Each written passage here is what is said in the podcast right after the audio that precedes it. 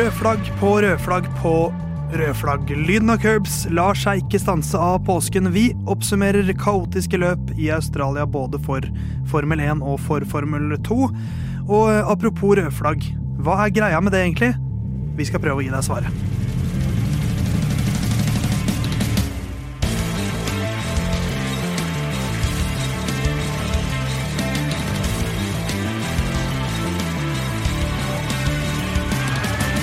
På sjølveste palmesøndag så var de veldig opptatt av å vifte med palmeblader og legge de foran Jesus og hans esel, mens i Australia så var de mest opptatt av å vifte med røde flagg og, få, Legge de foran og legge de foran bilene, på en måte. Ja. I hvert fall stanse løpet litt. Det er lyden av curbs du hører på. Vi skal i denne 49. episoden prate mye om Australias Grand Prix og de røde flaggene som viftet der. Formel 2 skal vi prate om, eh, og det blir mye rødflaggprat, rett og slett. Vi har hørt deg, Jon Halvdan, så vi kan si hei til deg, Herman. Nei. Så overraskende.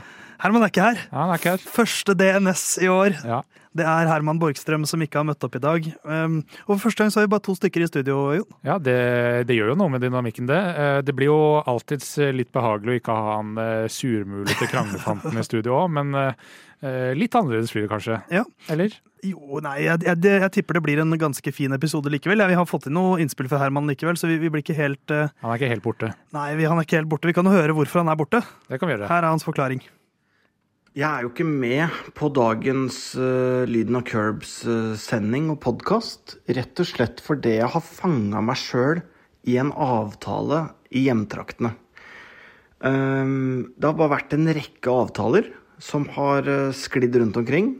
Noen har det blitt noe av, noen har det ikke blitt noe av. Eh, til syvende og sist måtte jeg da skyve på på dette for å kunne være med og spise middag hos svigers. Det er faktisk ikke tull engang. Um, så hvis ikke jeg er med neste uke, så er det nok fordi at uh, bikkja har spist leksene, eller noen sånne ting. Det er ganske tynt, men jeg hadde jo et kunstig høyt oppmøte nå. Um, og det, det skjønner jo sikkert alle at måtte ta slutt. Så akkurat hvorfor blir vel nærmest av akademisk interesse, men, uh, men det er i hvert fall hvorfor. Det er jo klassisk Herman å klare å bli på en måte den det er synd på, for han har klart å fange seg i et slags nett han har spunnet selv. Ja, for det første, denne gangen upåklagelig lyd, Herman. Eh, For det andre så er det jo under bra? en, Ja, litt for bra, egentlig. Eh, For det andre er det jo under enhver kritikk at eh, han har én fast avtale hver uke. Det er sånn tre på syv, møte opp her på Chateau Neuf på Radio Nova i Oslo hver tirsdag. Jepp. Eh, Og den forandrer seg ikke, den. Nei, vi har, vi har holdt det på det, det planet, og vi, vi har klart å forholde oss til det da, Jon, for vi har, silt, vi har til og med ofra påskeferie, vi. Ja, det Vi har har blitt i Oslo. Ja, jeg måtte uh, si nei, nei, nei, jeg skal uh, lage podkast med Theis, så vi kan ikke gå på ski på fjellet, samboer. For et offer. Ja. Men vi byrottene her, vi skal ta deg godt gjennom den 49. episoden. Og jeg har jo litt på bakfoten klart å relatere tallet 49 også inn i, i Formel 1-verdenen. ja, nå er det jo blitt så eh, søkte at eh, å resonnere seg fram til det, det blir vanskelig. Ja, men i dag så hadde jeg heldigvis litt dårligere tid, så jeg okay. rakk ikke å gå i veldig dypt. Men vi skal prate om eh, den gamle eh, verdensmesteren, rasisten og homofoben Nelson Piquet. Ja, som, Hva var det han ble dømt for? Eh, rasisme og homofobi dømt én million dollar. Ja. Eh, Som er ikke små for moralsk skade etter å ha uttalt seg rasistisk og homofobisk om Julius Hamilton. Mm. Eh, som er vel fortjent, men vi kan jo da prate litt om Nelson Piquet. Eh, han kjørte 49 løp før han ble verdensmester første gang, Mhm. og det ble han i 1981. Og da ble han verdensmester i en Brabham BT 49. Ja. Så eh, 49 løp, 49, BT49 var bilen han ble verdensmester i. Synd han ikke ble dømt til å betale 49 millioner dollar. Ja. Men 1 million dollar, det er eh, mye penger, det òg. I dag, Jon, så er det Australia vi skal til. Vi skal holde oss dit, for det er lenge til neste løp. Det er det. Fire uker. Aserbajdsjan som venter der framme i horisonten. Det blir Australia Grand Prix-prat, det blir diskusjon om rødflagg, det blir Formel 2-prat. Stakkars Dennis Hauger, sier jeg bare for å begynne litt der allerede. Og så har vi litt påsketematikk mot slutten, kanskje. Eh, ja, det, det kan man si. Så eh, heng med, så får du lyden av Curbs denne uken også.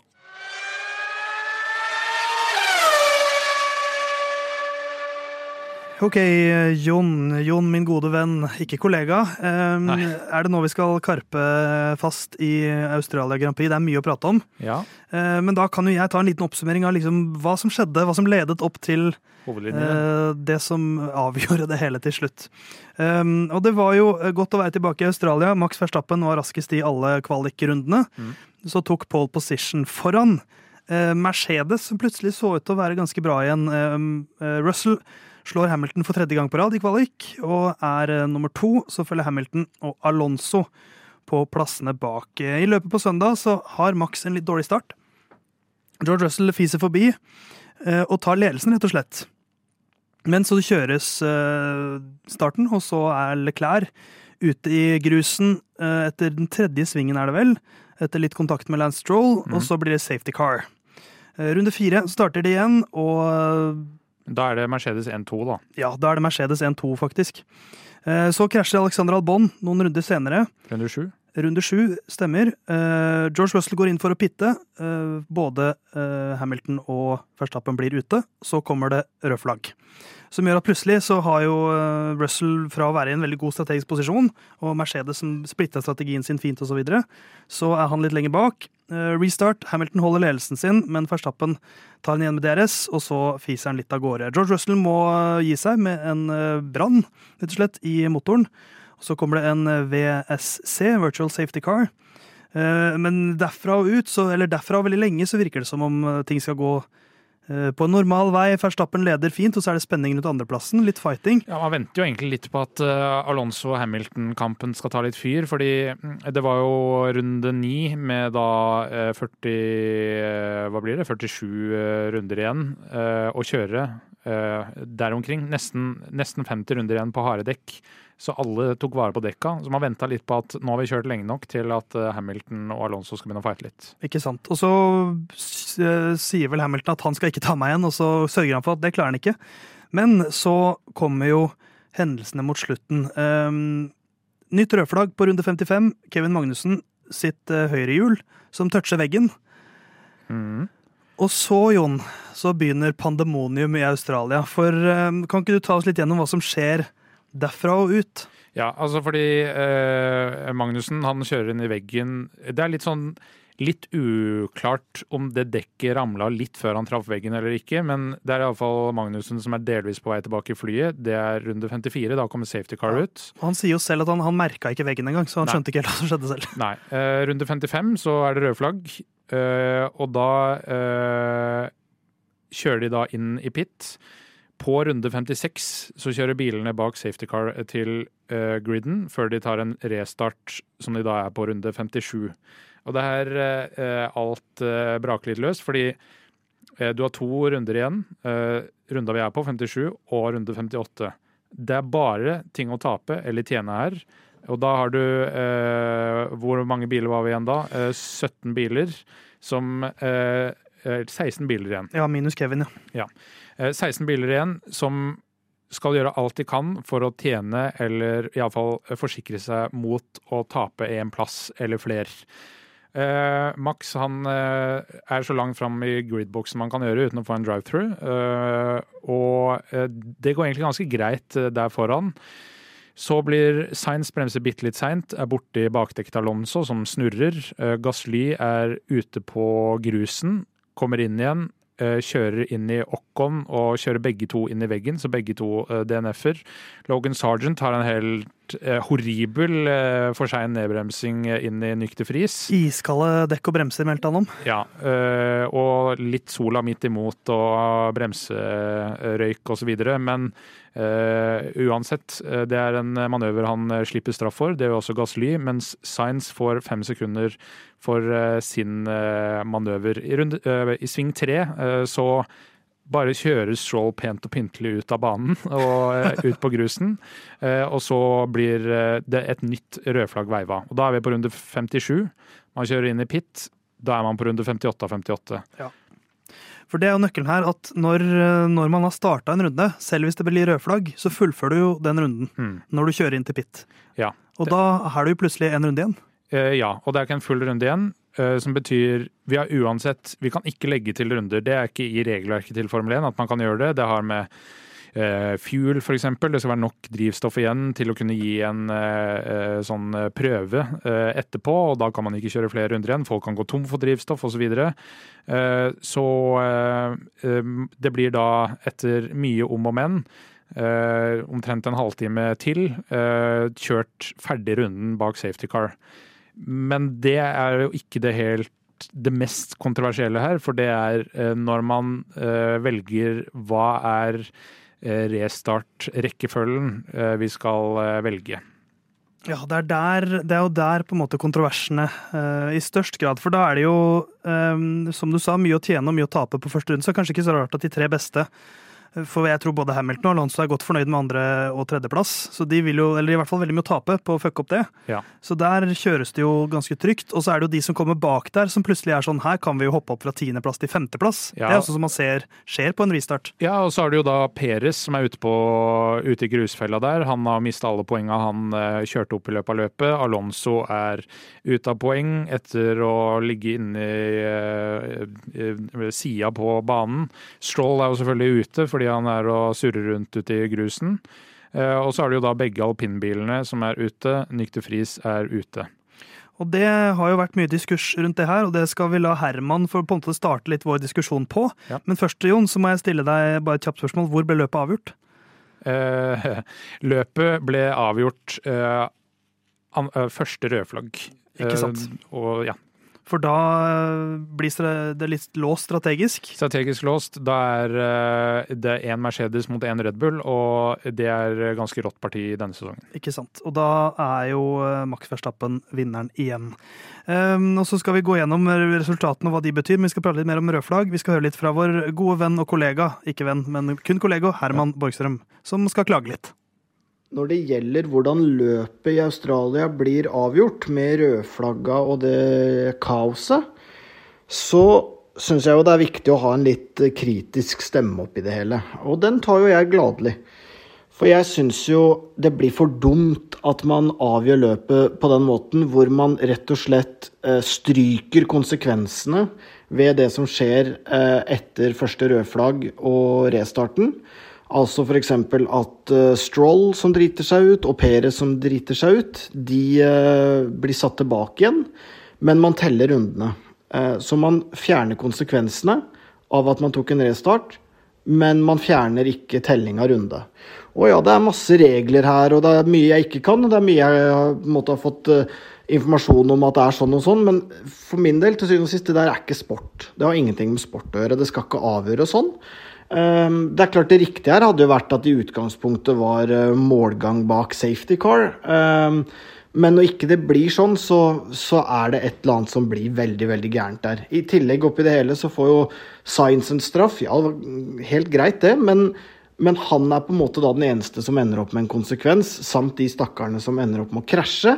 Uh, jeg syns rett og slett uh, jeg skjønner at reglene er sånn, men der syns jeg at det må komme noen endringer. Eh, akkurat hva, akkurat hvordan, eh, det har ikke så mye å si. Eh, hadde de bare hatt en, en konsekvent linje og tatt målgang bak safety car der, det skulle de da også kunne gjøre i, i Abu Dhabi, da hadde det her ikke vært noe problem, men nå blir det veldig mange ting i den sporten her som man ikke skjønner, som man ikke skjønner hvorfor det er sånn, og det handler selvfølgelig om krasjer, det handler om incidenter, det handler om dømming. Eh, vi snakka om i fjor eh, det her eh, tekniske svartflagget til Kevin Magnussen, men som ikke gikk til f.eks. Peres. Det er, det er sinnssykt mange faktorer her, men, men jeg syns i hvert fall sånn det ble gjort.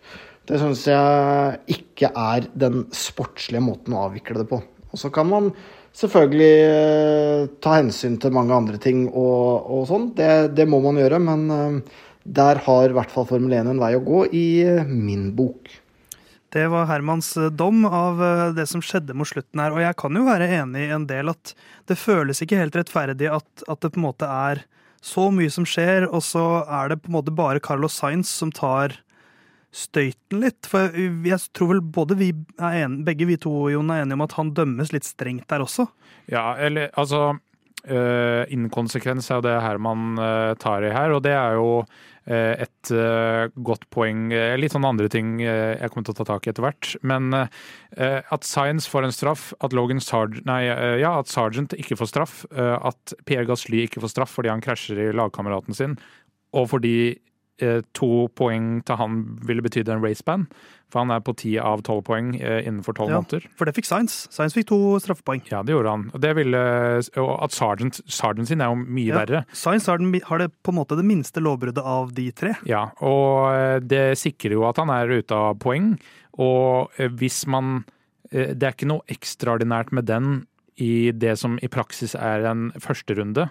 Eh, så at han får fem eh, sekunder og Sergeant og Gasly ikke gjør det, det, det stusser jeg veldig på. Ja, men, men, det er på en måte egentlig For det, det, er jo en annen diskusjon her er jo at du har rødflagget kommer, og da er jo rødflagget kommer i en periode der rekkefølgen på bilene er annerledes. Stroll hadde kjørt seg opp til tredjeplass, var det vel? Uh, ja, før han uh, kjørte ut grusfella. Ja, men da hadde jo så, så det, de, de, de, Hulkenberg var på fjerdeplass. Ja, Hulkenberg på fjerdeplass, så de endrer jo da tilbake. Men det er jo fordi de hadde ikke passert et punkt som var uh, til, Da går de tilbake til forrige sikre punkt, ja, og, og, det er regler. Ja, det var jo, som er klokkeklare, egentlig. Ja, i Storbritannia i fjor så gjorde de jo Da hadde ikke alle bilene kjørt forbi safety car-linje 2. Eh, og da sa de at da er det eh, posisjonen alle bilene var i ved eh, restarten vi går tilbake, til. Denne gangen hadde alle bilene passert safety car linje 2, eh, og Has protesterte avgjørelsen om at vi går tilbake igjen til rekkefølgen de var i ved restarten. Men det står i regelverket at det er litt opp til race director å velge hvilke punkt vi velger som sikrest. og det er kun de her timingsonene som er 100 sikre. GPS-data er ikke sikre nok, kamera er ikke sikre nok. Uh, det er, så det er kun de tidslinjene, og det er derfor de har valgt å trekke det tilbake til restarten. Og man, man kunne jo brukt safety car-linja òg, men da har du noen ute i grusfella som man ikke helt vet hvor man skal plassere. Så altså, jeg, jeg, skjønner det på en måte litt. Dette er countback er uh, mulighet uh, i Formel 1 og har vært lenge uansett. så er liksom skal man da ta ut uh, de alpinbilene og de andre DNF-bilene. Men samtidig så vil ikke de klare å fullføre runda. Nei. Så de vil ende opp bakerst uansett. Uh, så uh, Og det punktet med at man skal stryke rundene for altså Det hadde ikke endra noen ting uansett. Fordi rekkefølgen hadde blitt det samme. Ok, man hadde lagt til en runde til for å kunne ta en ny restart. Men de bilene er uansett allerede krasja, så de vil ikke kunne ta den starten. Nei, så det, det er Jeg sitter og, og, ser på det, og så føler jeg at ja, Science føler jeg opp, får litt urettferdig behandling. Men jeg sitter ikke og tenker at liksom resultatet til slutt er så veldig unfair. Og så blir det jo litt sånn eh, rar og antiklimaktisk avslutning på løpet, men det er det sånn som det blir av og til. Og så tror jeg ikke man skal forvente mer på en måte rettferdighet i Formel 1 enn i andre idretter. Det er eh, en ekstremt komplisert idrett samtidig. Sportens verden er stappfull av eh, store oppgjør som har blitt avgjort av eh, dommeren. I alle idretter. Så ja. Å liksom grave seg ned og si at Formel 1 har et stort problem, jeg føler ikke det er noe større enn andre idretter. Nei, det syns ikke det hele tatt. Og uh, sportslig sett så, så, er det Dette er liksom en del av sporten. Det må man bare finne seg i. Uh, og, og lagene her har mye større say i regelverket enn noen andre idrettsutøvere egentlig har i sin idrett. Ja. Her definerer de reglene i stor grad selv. Ja, og så har du, Dette er på en måte arven etter Abu Dhabi og Monza. At man ikke vil fullføre Altså man vil for enhver pris fullføre uh, løp uh, under grønnflagg. I Abu Dhabi så ble det løst uh, på en uh, kreativ måte. I Monza så kjørte man målgang bak safety car, folk var i harnisko. vi diskuterte jo det her også. Ja. men nå har man valgt jeg, jeg, sa det her, jeg drev og chatta litt med Herman underveis her òg, forutsatt at alle bilene fullfører nå, når man restarter med to runder igjen. Fordi jeg, det var mulig å se at dette kunne kanskje ikke gå så bra. Eh, så det er jo spørsmål eh, målgang bak safety car, grønt flagg, røde rød flagg, bare fullføre under gulflagg. Formel 1 må liksom bestemme seg litt for hva de vil være, fordi vi skal snakke litt om rødflagg som fenomen her, men også sikkert spesifikt i det løpet her, men det var ingen egentlig grunnen for å rødflagge det her, annet enn at man ikke ville fullføre under safety car. Ja, så vi skal ta en litt mer sånn uh, prinsipiell debatt på uh, rødflagg senere i sendinga. Uh, og så skal vi nå, Jon, prate litt om uh, det som i hvert fall er sport. Hvordan gikk det egentlig i Australia, og hva har det å si for resten av VM?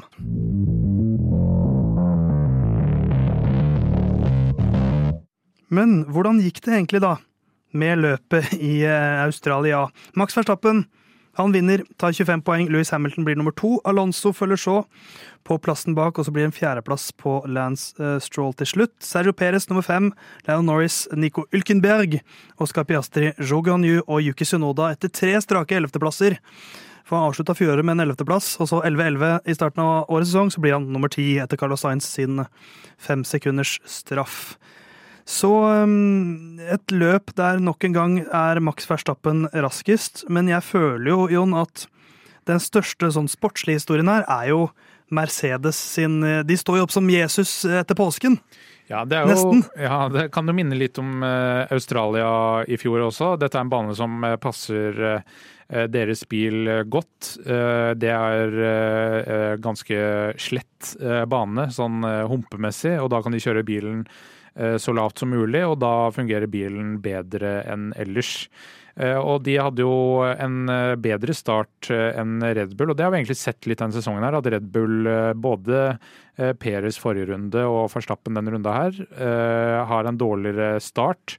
Om det, akkurat hva det henger sammen med, om det er uh, litt kaldere dekk, uh, for det så det ut som Max hadde inn i sving tre på første runda, uh, eller om det er den girkassa til Red Bull som åpenbart er litt skjør.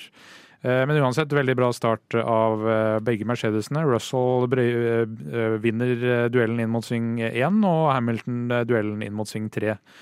Max klager jo litt der, men det er jo Det er sånn som alle gjør, men så, så handler det også om at her har du en Max Verstappen som Eh, ikke trenger å ta hver fight nå, for han vet at den maskinen jeg har, er så overlegen at eh, jeg må bare unngå trøbbel i starten, og så løsner eh, løpet litt, ikke rittet, som jeg sier til vanlig. Så løsner løpet litt, og da fiser jeg forbi. Og det gjør han jo også. Ja, det var en grafikk jeg så på DRS. Nå skal jeg bare finne opp screenshot jeg tok av det, hvor det er topphastighetssamlinga mellom Red Bull og Mercedes. For det er Red Bull 7 km i timen raskere enn Mercedes uten DRS. Men når begge av DRS, så er Red Bull 14 km i timen raskere, og med DRS 36 km i timen ja. raskere. For de har et slags sånn trippel DRS-triks, hvor de klarer å ståle hele bakdelen av bilen, ja. Eh, som ingen andre har helt funnet ut av hvordan de skal eh, løse på samme måte ennå. Og, og km, altså 36 km i timen, hvis du går fort eh, i Oslo, og eh, sjåføren som fiser forbi deg, holder fartsgrensa på 30 så er det fartsforskjellen. Ja.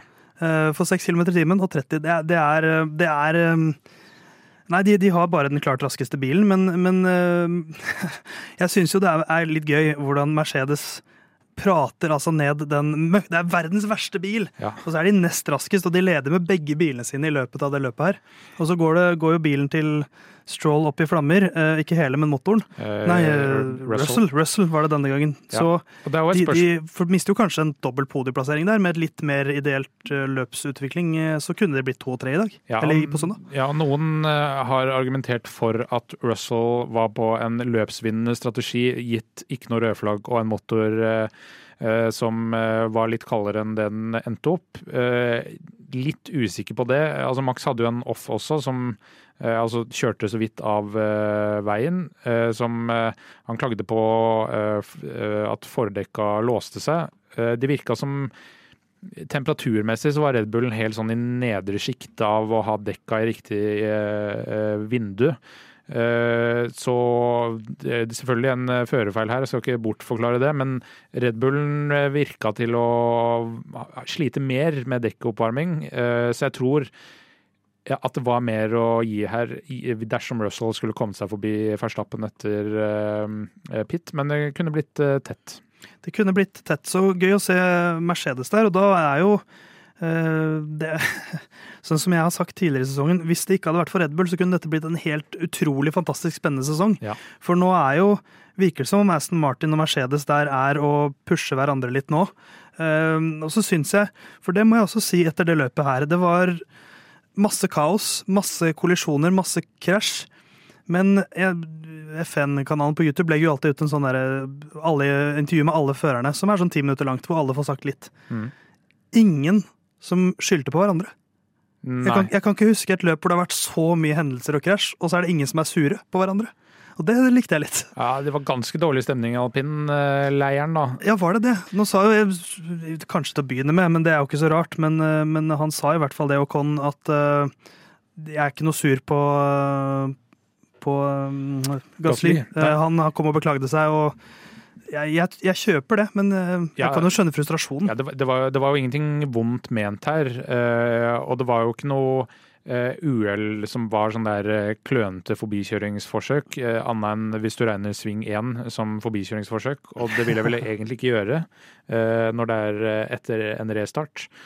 Eh, Men eh, ja, det, likevel da, så er det etter å ha gått pent og pyntelig for seg i to eh, runder nå, både i eh, Bahrain og eh, Saudi-Arabia, så så det ut som eh, eh, en del førere mista fullstendig huet på slutten her. Ja, de får jo De ser jo eh, Sjansen åpenbarer seg. Vi skal prate mer om det etterpå. Hva, hvorfor eh, en start med to runder igjen er annerledes enn en start på, med 58 runder igjen. Ja. Det er to litt forskjellige mindsets. Men vi må også nevne Sergio Perez her. For vi prata i forrige episode om at dette kunne være hans sjanse. Og så blir det jo gridstraff gridstraff og så videre, og så kjører han seg opp til femteplass til slutt. Så sånn Ja, ikke gridstraff, da. Altså, Nei, nei. eh, de, i, han kjørte jo ut i sving tre uh, i kvalik, i Q1. Uh, og skyldte på bilen. Og Christian Horner Stemmer det, har vel vært ute og sagt uh, eh, at de har vel egentlig ikke funnet noe feil, men uh, Perus var såpass eh, bestemt på det her at eh, de valgte å bytte noe med frontbremsen, og derfor starta han fra pit lane. Eh, Men han skal også ha bremsa 20 meter seinere enn alle andre, inkludert Max, inn i sving 3. Eh, Så en kombinasjon her er det nok uansett, eh, om ikke bare førerfeil. Men det resultatet blir jo da til slutt at Max Verstappen har 69 poeng, som er jo ganske fint. Mm. Mens Perez har 54 poeng nå.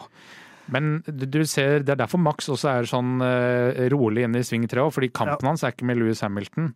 Eh, det er om å gjøre å bare fullføre, om det hadde blitt med 15 poeng eller 25. Men hovedkonkurrenten er Peres, og han er et stykke bak. Men han vet også at det er én DNF, så er det full fyr igjen i det her. Det er nettopp det, og vi skal til Aserbajdsjan i neste løp, som er jo Peres The King King of the. Streets Ja. sin, eh, sin favorittbane. Men så må vi også dra fram uh, McLaren, syns jeg, som er eh, endelig oppi der. Eh, litt heldig, selvsagt, med, med Carlos Sainz sin eh, fem sekunder, som gjør at de hopper litt opp. Men Lennon Norris blir nummer seks. Piastri nummer åtte på hjemmebane er jo det fint at han tar eh, poeng. Så plutselig så hopper de opp litt i, i VM, og er nå nummer fem. Fra vært helt sist. Ja, det er vel første gang på veldig lang tid at det ikke er noe lag med null poeng etter tre runder. Ja, det er et godt poeng.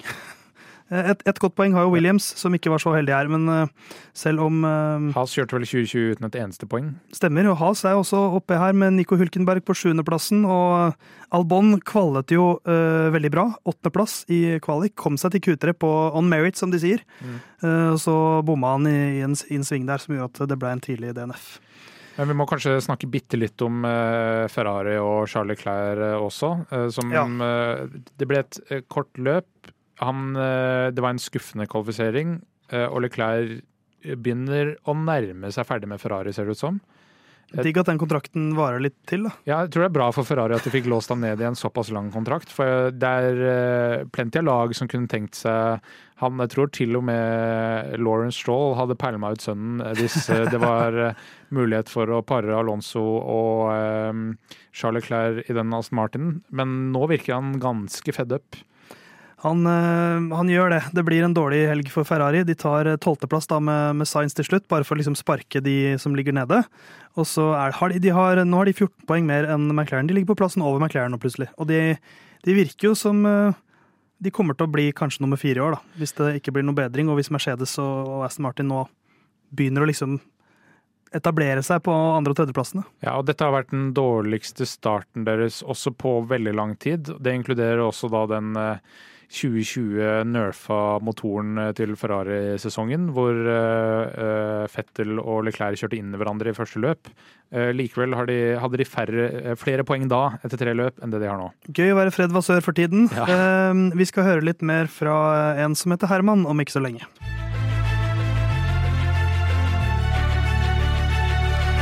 Vår gode kollega Herman som er hjemme i Langangen, han har Famili sendt I familieeksil. Ja, å, fanget av familien. Uff, ja. så kjipt. Eh, han har sendt oss et nytt lydklipp med noen meninger han har etter helgen. Når det gjelder løpet i Australia, så blei det jo en del snakkiser. Og jeg har noen kontroversielle meninger, og noen som ikke er så kontroversielle.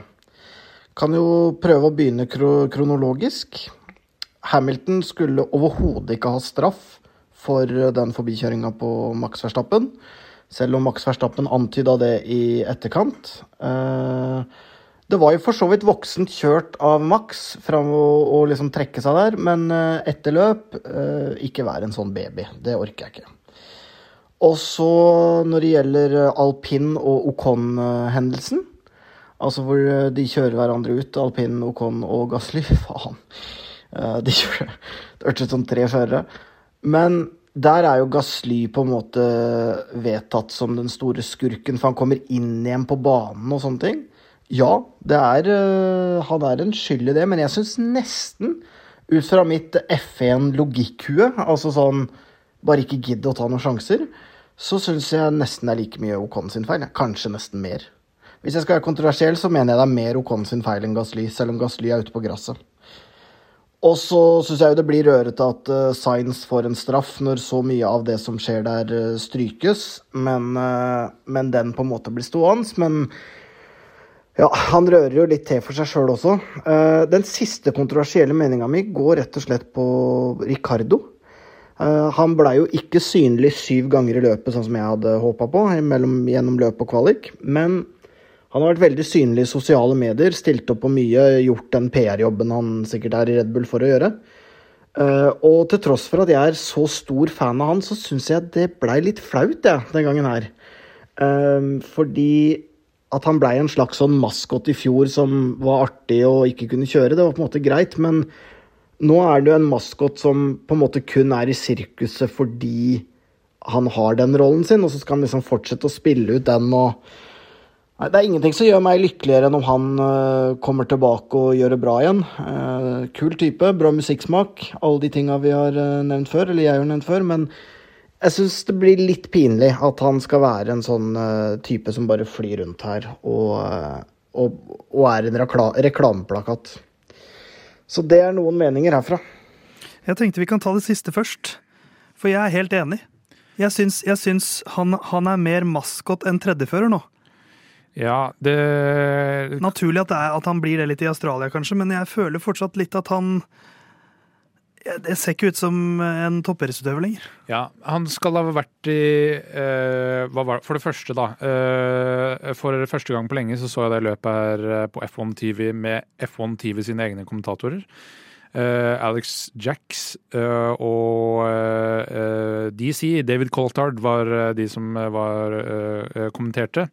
Eh, og de snakka om at eh, Ricardo eh, hadde vært usikker på om han ville tilbake igjen eller ikke. Og at det var løpet nå, nå Australia-helga at han da hadde bestemt seg for at han skulle tilbake igjen. Ja, ok. Så det var kanskje, kanskje trengte han alt den oppmerksomheten. Og han fikk jo mye jubel fra hjemmepublikum, så kanskje det betydde det betydelig, Men jeg er fortsatt litt enig i at det, det, det, er litt sånn Han har jo blitt hausa så vanvittig mye opp gjennom Drive to Survive. Ja, ja. Og, og det å da se han liksom i promomaterialet til Red Bull være litt sånn klovn, og han er veldig maskot nå. Det er han. Eh, jeg er jo ikke like opptatt av det her eh, tinga som Herman. Eh, hva folk sier utafor banen og hvordan de fremstår der og bla, bla, bla. Men det er en sak fra Autosport fra 31. mars, altså i løpet av Australia-helga, hvor Red Bull ikke kjente igjen kjørestilen til Ricardo da han kom tilbake til Red Bull og kjørte i simulatoren. Så han har fått noen Han var ikke spesielt imponerende da han uh, kjørte i simulatoren første gangene. Så de må drive og jobbe ut uh, McLaren-uvaner uh, før han begynner å i det hele tatt nærme seg Peres. Så sånn det virker nå, ferdighetsmessig så er han ikke i nærheten av Peres heller. Nei, så han er litt som en, en eh, på en måte når du, Hvis du adopterer en hund da, fra et sånn mottak, og så, og så har den hatt noen eiere som har eh, formet den hunden i litt unaturlige veier, eller hvis du er et barn som blir tvunget til å skrive med høyrehånda, men du egentlig er venstrehendt, Ja. så Så blir det ikke så bra. Mens kanskje han får lov til å skrive med venstrehånda da, Ja. i Red Bull igjen. For det er jo bilen han elsker, tydeligvis. Ja, og så er jo spørsmålet da i det hele tatt om han eh, kan komme tilbake igjen. Men eh, vi får se. Foreløpig mye maskot, men eh, de, de, det plager ikke meg så mye. Nei, hva med det andre her, da? Jeg syns jo heller ikke at Hamilton skulle hatt noe straff for den forbikjøringa på Verstappen. Nei, det og Max drev på litt og klagde etterpå, selvfølgelig. Jeg er jo som allerede nevnt ikke så veldig opptatt av hva som prates rundt. Eh, Men eh, han skal ha jenka seg med på det Verstappen nå. eh, Men poenget er at ved Apex, når man er foran bilen, så skal man ha plass osv. Men han fikk plass og bla, bla, bla. Så det er ikke noe Uh, ja, det, jeg er ikke i nærheten av å skulle ha straff der. Science har vi prata litt om, men vi kan dykke litt mer inn i alpin og, og con, hvor Ja, det er hårreisende at Herman mener at bilen bak, uh, av en som allerede har vært utafor veien, velger Det er ikke så høy hastighet heller. Eh, Han har mulighet til å holde seg unna racing line eh, på venstre side. Det er ikke som eh, Canada med eh, Fettel og Hamilton, hvor eh, eh, Fettel har vært ute på gresset i høy hastighet og bare kjører i en lett, rett linje over. Dette er Gasly som kjører på vei tilbake igjen og bare sklir over motsatt. Og han kikker i venstrespeilet, ikke høyrespeilet, der Ocon er. Ocon har to pedaler. Han kunne brukt uh, venstrepedalen også, men det er i en restart der man vet at alt dette her betyr noe. Så uh, å forvente noe mer av Ocon, det syns jeg er uh, rart. Men Herman sa jo på slutt, han sa jo der også at jeg skal være litt kontroversiell. Ja, ja. Så vi skal ha et spørsmål til fra Herman, som er mindre på en måte brannfaklete. Et eh, spørsmål vedrørende has. Um, og for å være litt tabloide Hvem skal ut-oppgaven, hvis dere må dømme nå? Eh, både med eh, øvrig Formel 1-historikk, men også selvfølgelig form de første tre løpa. Eh, hvem tar dere med dere videre hvis dere er Gunther Steiner, Nico Hulkenberg eller Kevin Magnussen? Og en slags forlengelse av det, hvor imponerende er det Hulkenberg gjør i Australia? Og hvor dårlig kjørt er det av Kevin Magnussen når han fyker inn i veggen der? Ja, eh, hvor dårlig kjørt er det? Jeg tror vel det er mer sånn vi har, vi, altså, det, Du ser jo veldig ofte at Formel 1-fører ligger veldig tett på veggene. Mm. Og noen ganger så går det litt for tett. Og, det, og så er du kanskje litt uheldig med hvordan du treffer, og dekket kanskje hadde at det, det, det, det, Han er litt uheldig der òg. Ja, han er det. Men øh, bare eh, Hva skal jeg si? Eh, for å starte med starten her, eh, så har vi vært innom eh, det før. Jeg var jo blant de som var skeptisk til at Hulkenberg skulle komme inn igjen. Ikke fordi det er Hulkenberg, men fordi det er så sykt kjedelig å finne en fyr som var på griden eh, eh, og hatt et sånn eh, av og på-forhold med Formel 1 de siste par åra. Det er som Ross og Rachel. Ja. Han og, han og Formel 1. Ja, eh, men eh, nå er de da eh, mer forlova igjen. Vi, sånn, hvis man bare skal se på naturlig talent, så snakker vi om for et par, uker, par episoder siden at vi vel tror at Hylkenberg har et bedre naturlig talent enn Kevin. Og hvor bra og hvor dårlig. Jeg vil jo si at Hylkenberg er på det som er liksom akseptabelt pluss. Eh, Og Kevin er på det som er uakseptabelt minus. Men Eh, Kevin har jo én podieplassering eh, i hans aller første løp i Australia. Har jo ikke vært der siden, men det har jo ikke Nico.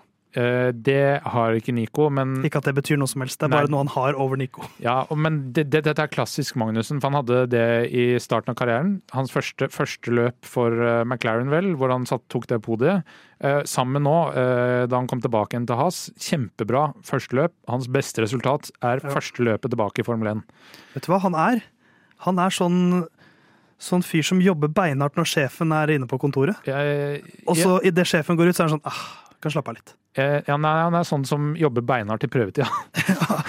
får en god kontrakt. Og så, nei, men, altså, men for å ta, du liksom harde fakta, da. Hulkenberg, som har en kjempehelg, han eh, kommer seg til Q3. Mm. Eh, Blir riktignok nummer ti der, men fortsatt det å komme seg til Q3 i en has er ganske stort. Blir nummer sju i løpet og tar seks poeng. Eh, Magnussen hadde jo det ene poenget til has før det løpet her.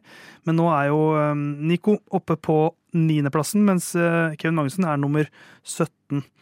Eh, Og de er eh, Hulkenberg er fem år eldre enn Magnussen. Og spørsmålet til Herman her er jo hvem eh, vil han tatt med seg videre? Og nå føler jeg at Kevin Magnussen er blitt såpass gammel nå at han er ikke en du skal liksom satse på som lagets fremtid. Han, mange, han kan ha mange år igjen, men det ser vi også nå på Alonso. At eh, Formel 1 er en sport hvor du, hvis du har ilden i deg, så kan du holde på en stund. Ja, Hvis det er sånn at et amerikansk lag eh, blir veldig betatt av en Logan Sargent f.eks., eh, og vi skal ha en amerikansk fører inn i et amerikansk lag, eh, og vi skal kicke ut en av de to eh, per nå, og sannsynligvis eh, mot slutten av sesongen, så ville jeg kicka ut Magnussen. Ja, Kevin eh, har også, han, har også blitt slått i hver kvalik-session så langt. Ja. Så, eller ikke hver kvalik-session, men eh, det kan jeg ikke si for sikkert. Men, Men han, har- han ligger under ja.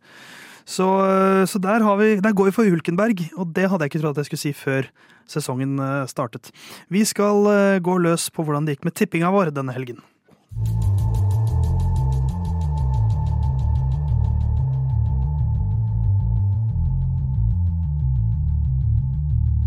Ja, ja, mensan. Vår tippekonkurranse, Jon, den strider videre. Eh, Vi kan jo gå gjennom eh, hvordan det gikk denne helgen for vår del i Australias Grand Prix. Vi tippet jo helt likt i topp tre-tippinga vår. Ja, det, Uansett hvordan dette hadde endt, så hadde det blitt like mange poeng. Eh, Det ble seks poeng til hver, fordi alle tre tippa Verstappen P1. eh, Det ble fulltreffer. Perus P2, det ble bomtreffer. Og Alonso P3, fulltreffer. Yes. Seks poeng hver. Eh, og så hadde vi da ukens sjuking. Eh, jeg hadde statistikken om at en australier aldri har vært på podium i Australia brytes. Ja, det var eh, Det ble poeng i hvert fall da, til poeng. Piastri. Så er det var, det var ikke helt off, Nei. men off likevel. Ja. Du hadde verken Red Bull, Aston Martin, Mercedes-Benz eller Scuderia Ferrari får doble poeng. Og der følte jeg at jeg var på sporet av noe. Så da, da det var så kaotisk mot slutten der, så var jeg sånn Her kan det hende at denne går inn på et eller annet Ja, hvis, vis. det, hvis det sto seg med eh, Perez ut i grusfella og Stroll og Alonso ut av poeng, eh, da hadde du vært der. Ja, men, eh, men det gikk ikke helt. Men, men det var på en måte, jeg fikk det løpet jeg håpet på. Ja. Eh, For at den skulle gå inn, men ikke resultatet. Men det var gøy, og, gøy å føle at man levde litt. Ja, det, det skjønner jeg. Eh, Og Herman da hadde Daniel Ricardo vises minst syv ganger på Viaplay i kvalik, fra pitlane Oper til flagg på slutten, og løp fra formasjonsrunde til første bil i mål. Det ble to av syv. Ja, det ble, For jeg eh, så jo på F1 TV, og jeg, jeg tror jeg bare så han én gang, men Nei. det kan hende at jeg så bort. To ganger i løp, ingen i kvalik, så vidt jeg kunne se. Ikke sant, Men jeg ble litt nervøs da jeg så at han liksom var så mye Han var så veldig tydelig i sånn kvalik Nei, på Instagram og sånt. Det er tydelig at bilderegissøren til Formel 1 ikke er like opptatt av Daniel Ricardo som Herman. Nei, det er eh, i hvert fall godt. Og hvordan er sammendraget vårt da? Det er jo ingen endringer egentlig i avstander. Det er det ikke. Det er litt eh, flere poeng til alle, seks stykker. Uh, Herman fortsatt på bunn med tolv poeng. Theis eh, nest på bunn, eller nest på topp, alt etter hvordan man ser det. 15 poeng, og jeg leder enn så lenge med 17. 17 poeng, det er ikke verst. Vi skal eh, titte litt på Formel 2.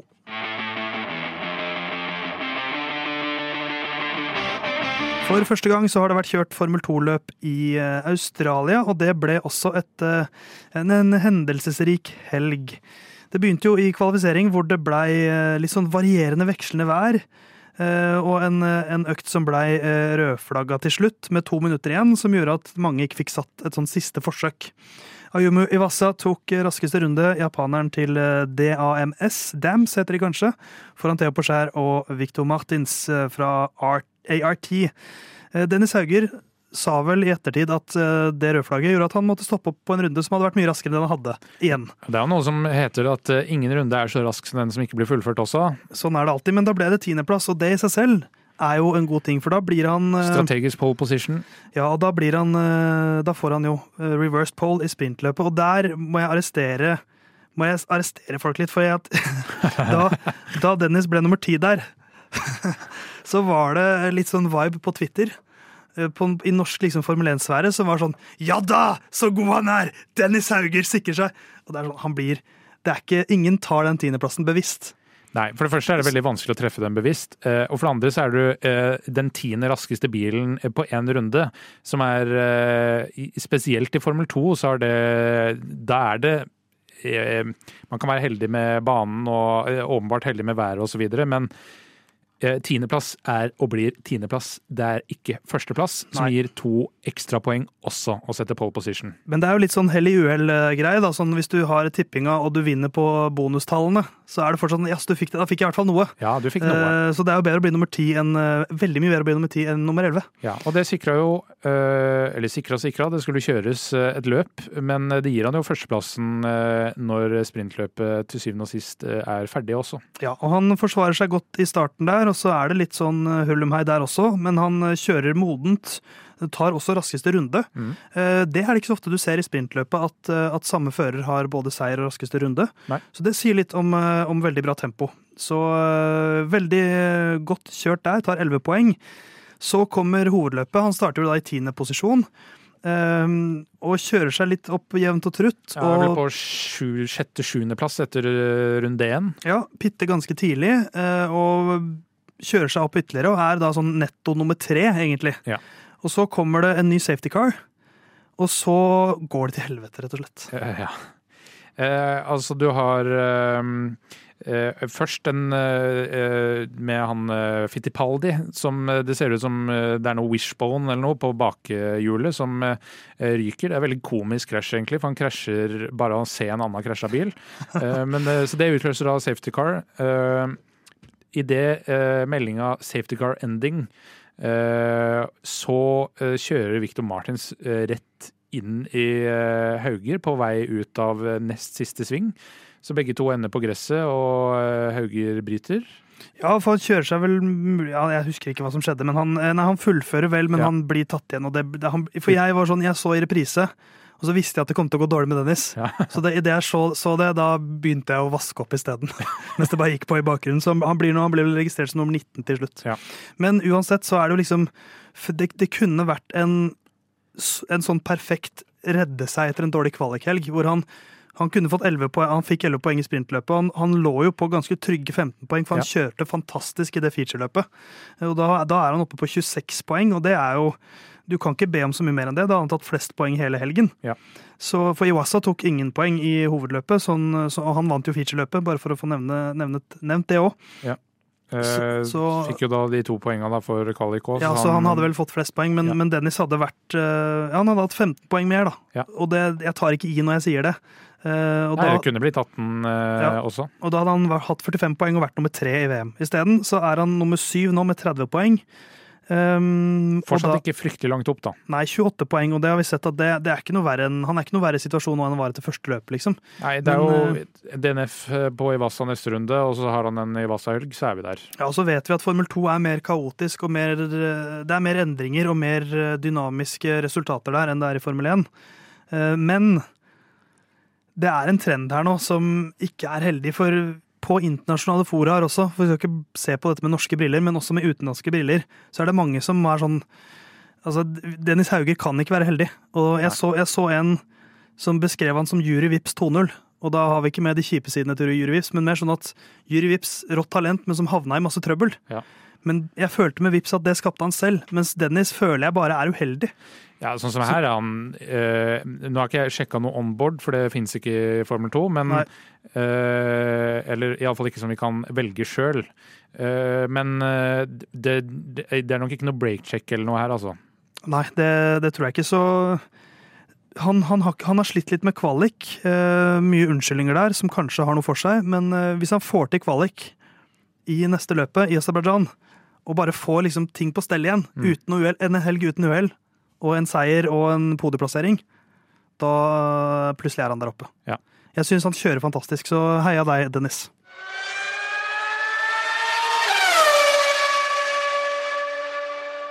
Flaggborgen i Australia preget eh, løpet på søndag. Vi skal prate litt mer om eh, rødflagg, men på litt mer sånn, sånn som advokater på et prinsipielt grunnlag, så uttaler de seg alltid. Det er det litt eh, det vi skal gjøre nå. Um, for vi må, først må vi bare etablere at det som skjedde nå i Australia, det er ikke noen norm. Det har aldri vært et løp med tre rødflagg før nå. i Formel 1s historie. Ny rekord. Um, så det er ikke sånn at dette er et kjempeproblem som kommer til å skje igjen og igjen. Men rødflagg er jo noe som vi har De har blitt litt mer uh, løse i snippen på de, de siste årene. Um, ja, det kan man si. Uh, det, det, var jo eh, Når var det starta? 2020, hvor det ble liksom uh, oppblomstring av rødflagg. Eh, før det så var det liksom det, kunne, det, det skjedde nesten ikke. Nei. Uh, og jeg kan ikke ta hele rødflagghistorien nå, for det, det, husker jeg ja, ikke. Men det var, det var tre rødflagg i fjor. Uh, året før så var det en fem-seks. I 2020 var det tre. Og så var det da ingen mellom Aserbajdsjan i 2017 og Italia. I 2020 så var det ingen rødflagg. Ja. Så det var liksom da det var litt sånn ok, nå bruker vi det litt heller enn safety car. Um, men da er det jo grunn til å diskutere rødflagg, i og med at det er større sjanse for at det skjer nå. Um, skal vi begynne med, med, den Altså, sikkerhetsbil eller rødflagg er jo valget de har mm. ved en, ved en krasj. Virtuell sikkerhetsbil eller gulflagg, virtuell sikkerhetsbil, sikkerhetsbil eller rødflagg. Det er jo litt, litt, det som er rangstigen. Ja, og så er det jo eh, eh, for eh, de fansa som eh, Herman representerer, hvor det blir usportslig og det er så urettferdig. Bra virkemiddel å bruke sånn køddestemme for ja. å understreke at folk er idioter. Eh, tusen takk. Eh, så er jo da WC, eller virtuell sikkerhetsbil, det mest faire. Fordi eh, det er på en måte å trykke pause på løpet, og man kan game systemet litt. Eh, du har sånn minisektorer som du skal være eh, Du har en tidligst ankomsttid, og du skal være etter den ved hvert av de punktene. Eh, sikkerhetsbil, da blir jo alle bilene plassert tett inntil hverandre, pluss at noen som har pitta rett før en sikkerhetsbil, vil tape ut mot de som pitter under sikkerhetsbil, fordi pit-deltaen er da lavere, altså hvor mye tid du taper på å skifte dekk. Så er det rødflagg, flagg, som er eh, da å eh, stoppe løpet helt. Og da er det full fri flyt av både dekk og vinger og bildeler sånn ellers, så lenge de er vektlig eller egenskapsmessig de samme som de var på starten av løpet. Ikke sant. Så så det er jo alltid en diskusjon. Du, du, har jo hendelser også hvor de kjører sikkerhetsbil først, og så øh, bestemmer de seg at nei, vi tar rødflagg isteden. Ja, dette skjedde jo nå, eh, runde sju til eh, runde åtte, og øh, runde 55 til 56. Ja. Altså begge de to første rødflagga. Og det er jo ofte sånn det går. Men det er jo det, det, blir jo veldig Det påvirker løpet i veldig stor grad. For eh, hvis du får et rødflagg da etter to runder, to-tre mm. runder, det har ikke så mye å si. Da vil restarten være ganske lik. Men sånn som nå i, mm, i Australia, så blir det en helt annen start når de får en, eh, et rødflagg med to runder igjen. Ja, det gjør det. Eh, og det farligste punktet av et løp er jo alltid starten. Det er da det er størst sjanse for at det skjer noe. Eh, og folk holder seg litt i tøylene når det er 300 eh, km til å kjøre, fordi eh, det er mye eh, Hva er det man sier? Løpet vinnes ikke inn i første sving, men det kan tapes der. Ja, eh, Mens på sist, når det er to runder igjen Det er, det er masse som kan vinnes ja. inn i sving igjen. For da, Grunnen til at uh, Max Verstappen kan ta det rolig på starten, er at han vet at jeg har 50 runder på meg på å kjøre meg opp. Mens når det er uh, to runder, så rekker du kanskje ikke å ta igjen den plassen. Da kan en Has-bil dive inn og hoppe opp til tredjeplass og kanskje holde den, fordi at det er ingen DRS som kommer før, før man kommer i mål, rett og mm. slett.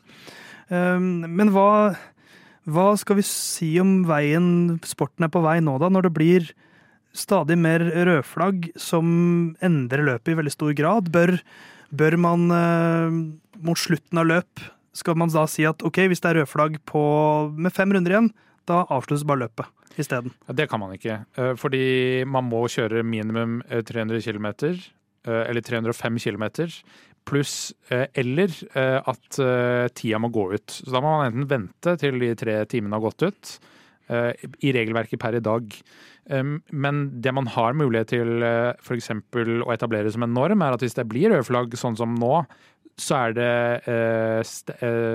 race, uh, rolling start, ikke standing start. Altså at man starter som man ville gjort bak en safety car. Da vil starten være litt tryggere enn det den var nå. alternativt er at sånn som her var det fullt mulig å kjøre gjennom det her safety, bak safety car, og da blir det målgang bak, målgang bak safety car. Ja, og det, det er litt sånn Det er jo et antiklimaks, men samtidig så er det i hvert fall Da kommer de seg i mål. Men, men jeg merker at når du nevner det, så er den rullende start eh, er jeg nok mer fan av. fordi da, da, da slipper du det kaoset, og så får du fortsatt et løp. Ja, For det er, det, det er jo det som skaper trøbbel her to ganger. Det er jo ikke det at det er rødflagg, det er jo det at de har stillestående start. Ja. Det er det som skaper problemet. Ja, og det, dette ble jo da uh, tatt e ordentlig bruk uh, inn i Hockenheim i 2019, uh, da de drev og kjørte mange runder bak safety car eh, før løpet egentlig hadde starta, fordi det regna på starten. Og så hadde man standing start. Og jeg syns selvfølgelig standing start er alltid gøyere enn en rolling start. Men uh, og det er jo på en måte hovedutfordringa her, da, er uh, safety car. Da mister vi runder. Eh, og røde flagg vil alltid gi minimum ti minutter pause i løpet, fordi laga skal få ti minutter varsel før løpet settes i gang igjen. Så det var jo, Vi kasta jo bort uh, kvarter 20 minutter på hvert av de røde flagga, iallfall. Uh, og en standing, uh, rolling start uh, når det er så og så få runder igjen, det er eh, Jeg ville sett Også på det som problematiske. Ja, men, Men, men bedre. ja, det, det ville vært tryggere, fordi jeg er jo Jeg heller er ikke interessert i at vi start, stopp, start, stopp, krasj, krasj. Altså, det, ikke, det blir ikke bare moro fordi sju biler fullfører. Nei, og, og for å ta liksom sikkerhetsbilaspektet, da. Jeg skjønner at de Altså, rødflagg handler jo om sikkerheten til hovedsakelig banemannskapet. Ja, det gjør det. For de skal rydde opp, og de skal fikse barrierer. Og så kan man si at ja, men kan ikke de bare kjøre bak sikkerhetsbilen? Det du også får med sikkerhetsbil, er at masse biler pitter, og da er bilene strødd utover hele banen. og så Det tar ofte litt tid før de får samla alle bilene. Ja. Og det å Og de kjører ikke så sakte. Den, den sikkerhetsbilen kjører alt den kan, som regel. Ja, Uh, og det er en ganske rask hvil. ja det er det. Så det å se for deg at du skal stå på en måte på høyre side på motorveien i Norge og fikse noe greier mens bilene dundrer forbi. ja, folk, eh, folk har dødd av det. Ja, eh, så, så Eh, jeg, jeg skjønner på en måte at ok, her må barrierefikses, her er det mye vrakrester, rødflagg. Men, jeg, men å se på hvordan man starter inn etter rødflagg, tror jeg er litt nøk nøkkelen her. Ja, i hvert fall med få runder igjen, og så har man jo mulighet eller om det er mulighet til at hvis det er så og så kort tid igjen, så legger man til runder mot at det endres Altså, det er flere ting man må se på her, da, men Australia spesifikt, så mener jeg at her har man valgt en løsning eh, ikke basert i hovedsak på sikkerhet, eller at er, man er for risikoavers. Eh, uten å egentlig uh, tenke gjennom konsekvensene av å velge underholdning framfor sikkerhet. Ja, For det er det som skjer her. Og sluttproduktet er jo det samme. Vi har målgang bak safety car. Ja, det er, nett, Vi bare bruker en halvtime på å komme dit og mister 70 biler på veien. ja, det er, nettopp, det, er nettopp det. Uh, og så til slutt vil jeg også si at det bør være lov å gjøre mindre under rødflagg. Ikke bytte dekk. Kanskje, eller kanskje bytte Nei, det, altså, det, det, det må, Ja, for må, jo- for det, det dreper strategien i det. Ja. Når George Russell blir jo utrolig uheldig når han har liksom tatt en strategisk pit, og så fordi Det er uheldig nok når det blir safety car, eller virtuell safety car, men når det blir rødflagg, så liksom er det jo bare å Ja, fordi det, det er jo eh, sikkerhetsaspektet i det her. fordi Grunnen til at det er rødflagg, er sannsynligvis fordi det er noe dritt på banen. Ja, Og ja. da kan dekka være eh, Det er et godt poeng. ikke i perfekt stand. Men man kunne lagt inn enten at du må bytte til eh, samme compound, eller at du bytter til en annen compound, men det teller ikke. Nei. Så du må, bytte, du må innom og pitte en gang til. eh, Enten da til samme compound eller et annet enn det du starta på. Så det er mange varianter å løse deg på, Ja. men eh, eh, ikke ideelt sånn som det er i dag. Nei. Nei, Så øh, vi får prate om rødflagg neste gang det skjer. Vi får gjøre det.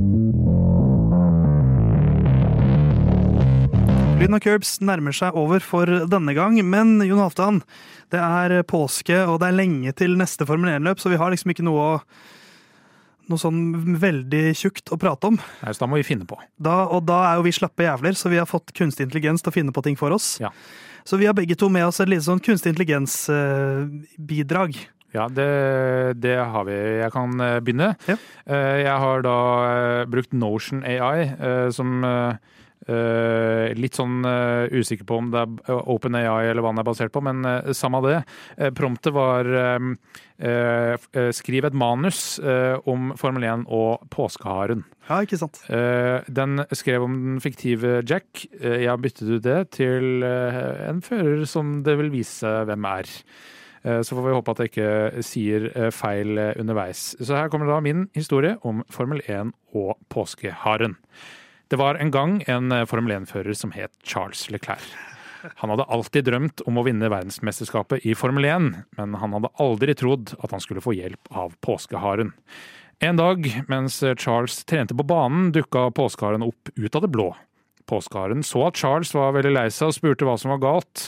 Charles fortalte om drømmen sin om å vinne verdensmesterskapet, men at han ikke hadde klart det på egen hånd.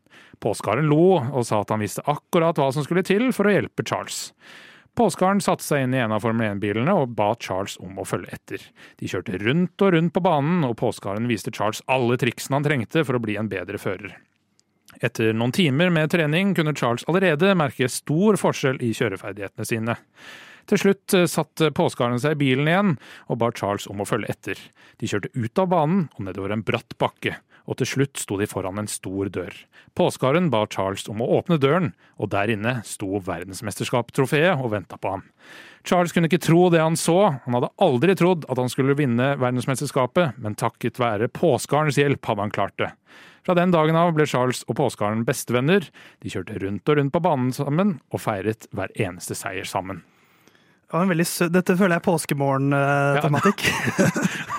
Så hadde det bare vært så enkelt å vinne Formel 1-mesterskapet. Hadde det bare vært så enkelt. Og du har jo tatt på en måte den sekulariserte delen av påsken her, Jon. Det, det er riktig. Så jeg har brukt chat GPT og ba om en Jeg skal ikke si nøyaktig hva promptet mitt var, fordi det avslører litt for mye av, av historien. Men jeg ba, eh, ba den om å skrive en historie om Formel 1-verdenen eh, som trakk inn ulike elementer av påsken. da. Jeg kan si det så generelt. Og så blir det kanskje litt eh, eventyraktig stemning her nå. Ja. I en alternativ verden, der Formel 1 var en religion, var Lance Stroll inkarnasjonen av Jesus, sendt ned til jorden for å bli verdensmester og frelse Formel 1-fansen fra eh, kjedsommelighet og stagnasjon. Hans far, Lawrence Stroll, var inkarnasjonen av Gud, den allmektige skaperen av universet, som hadde investert sin kraft og visdom i sønnens karriere. Men blant Lance sine lagkamerater var det en bitter fyr fra langgangen, rødtoppen Herman, som misunte hans guddommelige status og begynte å spe rykter og løgner om ham. Herman var en av Lance sine nærmeste disipler, men han hadde falt fra nåde og vendt seg mot ham. Mens dette pågikk, dukket det opp en litt nerdete musikkfyr fra Sørlandet, Jon Halvdan, som ble Lance sin venn og støtte. Han var en vis mann som forsto livet og visste hva som var viktig. Jon Halvdan lærte Lance og Lawrence verdien av ydmykhet og vennskap. Men ikke alle var like begeistret for Jon Halvdan. Theis, en idiot fra Tåsen, var en fiende av Jon Halvdan og ønsket å ødelegge alt han sto for. Theis var en kald og beregnende person, og han forsto eh, eh, at Jon Halvdan representerte en trussel mot hans egen posisjon. Mens dette spillet av intriger og rivalisering pågikk, begynte en sint rød okse som het Max å vise tegn på aggresjon. Max var en rask og kraftig okse, men hans sinne hadde begynt å påvirke hans ytelse. Teamet begynte å bekymre seg for hans evne til å konkurrere. Men det var en annen bekymring som også plaget dem. Budsjettet. Teamet hadde brukt altfor mye penger på dyre retter og luksusmat, og Lawrence Joel var rasende og beskyldte cateringansvarlige for å ha kastet bort pengene hans. Mens disse problemene eskalerte, begynte situasjonen å minne om det Jesus opplevde gjennom påsken. Lance ble forrådt av Herman, en venn. Eh, En, en, en venn ble uttenkt og forvist av Theis, og Max, Max sitt sinne begynte å føre til hans fall. Lance visste at det var hans oppgave å redde situasjonen, og han prøvde å skape harmoni og fred mellom de ulike partene. Men det var for sent. Gud, Lawrence Stroll, måtte ofre sin sønn for Formel 1s beste. Lance ble korsfestet i mediene, og hans karriere var ødelagt.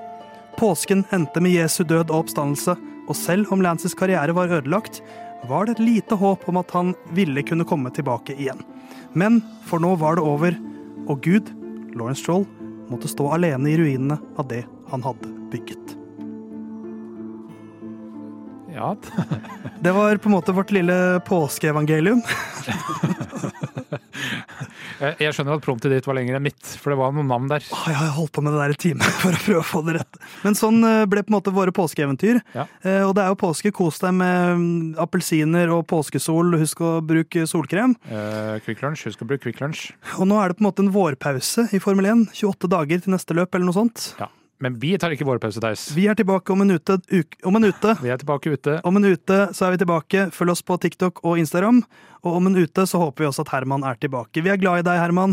Håper vi ses igjen. Noen siste ord, Jon? Eh, så det blir hyggelig å få kollegaene tilbake i studio. Vi elsker våre beste kolleger. Ha en eh, strålende påske!